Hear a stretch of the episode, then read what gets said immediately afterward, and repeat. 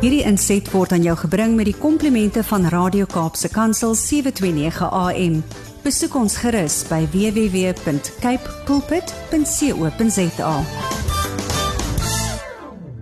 Helpende Hand bied vanjaar weer die Helpende Kerke Kongres aan en vanjaar se tema is die Kerk van Christus van agenda tot praktyk. Nou professor Potgieter is 'n spreker by vanjaar se kongres. Hy is tans 'n emeritus professor by die Universiteit van Pretoria is en is in die Waterberg NG Kerk betrokke by verskillende aksies en ek is geëerd om vanoggend professor saam met my op die lig te hê. Goeiemôre professor. Goeiemôre. Gaan dit goed daarso? Goed, dankie self. Dit gaan baie goed. Dankie. Ek weet dit is 'n bietjie koeler daar in Pretoria, maar ek sê dit is bietjie hele tyd dat ons kan begin winter kry aan daardie kant ook. Dis korrek. Ons kry 'n bietjie reën hier in die Waterberge waaroor ons baie dankbaar is. Ja, en dit is nogal nie algemeen nie, maar definitief die winter wat op pad is. Dit Nou, is so. Professor, ons praat vanoggend so lekker oor die um oor die Helpende Kerke Kongres wat op pad is en die tema van die sessie wat professor saam met Christa Potgieter, hoof van die maatskaplike dienste by Solidariteit Helpende Hand aanbied, is gawes in die gemeente. Vertel ons asseblief bietjie meer van die sessies en wat die bywoners te wagte kan wees. Nou, ek en Christia het gekyk na ons opdrag en omdat daar in die Bybel op verskillende plekke van verskillende gawes sprake is, het ons besluit om die gedeelte in Romeine 12 vers 1 tot 8 te neem as ons kern waarvan uit ons beweeg. In hierdie gedeelte word daar gepraat dat uh, en gesê hoe hoe kom 'n gemeente tot stand? In 'n gemeente kom tot stand omdat God in sy barm mense roep en mense red. En dan rus hy hulle toe met sekere gawes. En in Romeine 12 word daar 'n metafoor gebruik en gesê ons is lede van 'n liggaam en lede van 'n liggaam het verskillende funksies. Nie almal het dieselfde liggaam selfe funksies nie. En daarom moet hulle dit ten diens stel van die hele liggaam. Die liggaam moet daardeur verdien word. En daar in in die lig van hierdie liggaamsmetafoor of meer uh, beeld word uh sewe gawes genoem wat uh in diens moet stel. En en hierdie gawes, party daar's twee sienings daaroor. Party het gesê dit is net vir die amptdraers van die kerk, maar ek dink nie dis waar nie, Mhm. want dit strek veel breër en dit is gawes wat verskillende mense het eh, wat wat hulle dan in diens van die kerk moet stel en in diens van mekaar om die kerk en die gemeente en mekaar op te bou. Ja, so as ek sien na professor luister, ehm um, ek voel weer die vraag tog vra dink professor daar's 'n tekort in samewerking tussen belanghebbendes. Weet jy dit ek dink inderdaad so. Ek dink die kerke is in die veral in die platteland, die kern van die gemeenskappe. Mm. Maar ek dink uh in tydens Covid het ons gesien wanneer kerke met mekaar saamwerk en wanneer kerke handvat in die gemeenskap, kan ons baie doen om hulp te verleen en nood te verlig. En ek dink inderdaad dat daar 'n behoefte is om 'n groter samewerking te kry en daarom is ek so bly oor helpende hand wat hierdie inisiatief neem en wat dan by die kerke begin en sê maar kom ons kom ons rus ook die gemeenskap in sy breëre verband toe om uh, mekaar te bou en, uh, en ons gemeenskap uh, tot hulp te wees. Mm, ek wil vir professor vra, weet so professor het nou genoem van weet in die weet COVID gedeelte en van 2020 speel kerke nog 'n belangrike rol in gemeenskapsontwikkeling. Ek dink so. Uh ek dink die kerk vorm as ware die kern binne sekere gemeenskappe.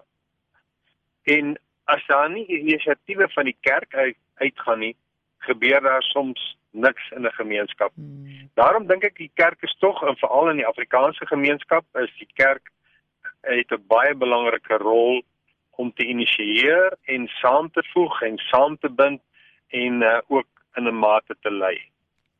Professor, ek dink juis in daardie tyd het soveel mense weet op hulle eie begin aanlyn kerk doen en dit het eintlik so half 'n gewoonte geword onder mense om eintlik nie meer weet in 'n in 'n geheel kerk toe te gaan op 'n Sondag nie. So wat is die toekoms van kerke in Suid-Afrika? Weet jy jou opmerking is is baie akuut. Dit is inderdaad so dat kerkbywoning het gedie of na na Covid het uh, afgeneem, maar oral hoor 'n ou dat dit besig is om terug te keer. Hmm. Nog nie heeltemal waar dit was voor die tyd nie, maar dat dit tog terugkeer omdat mense besef dis baie gemaklik om in jou sitkamer te luister na 'n erediens en uh jy is voel veilig en jy voel dat jy nie bedreig word nie.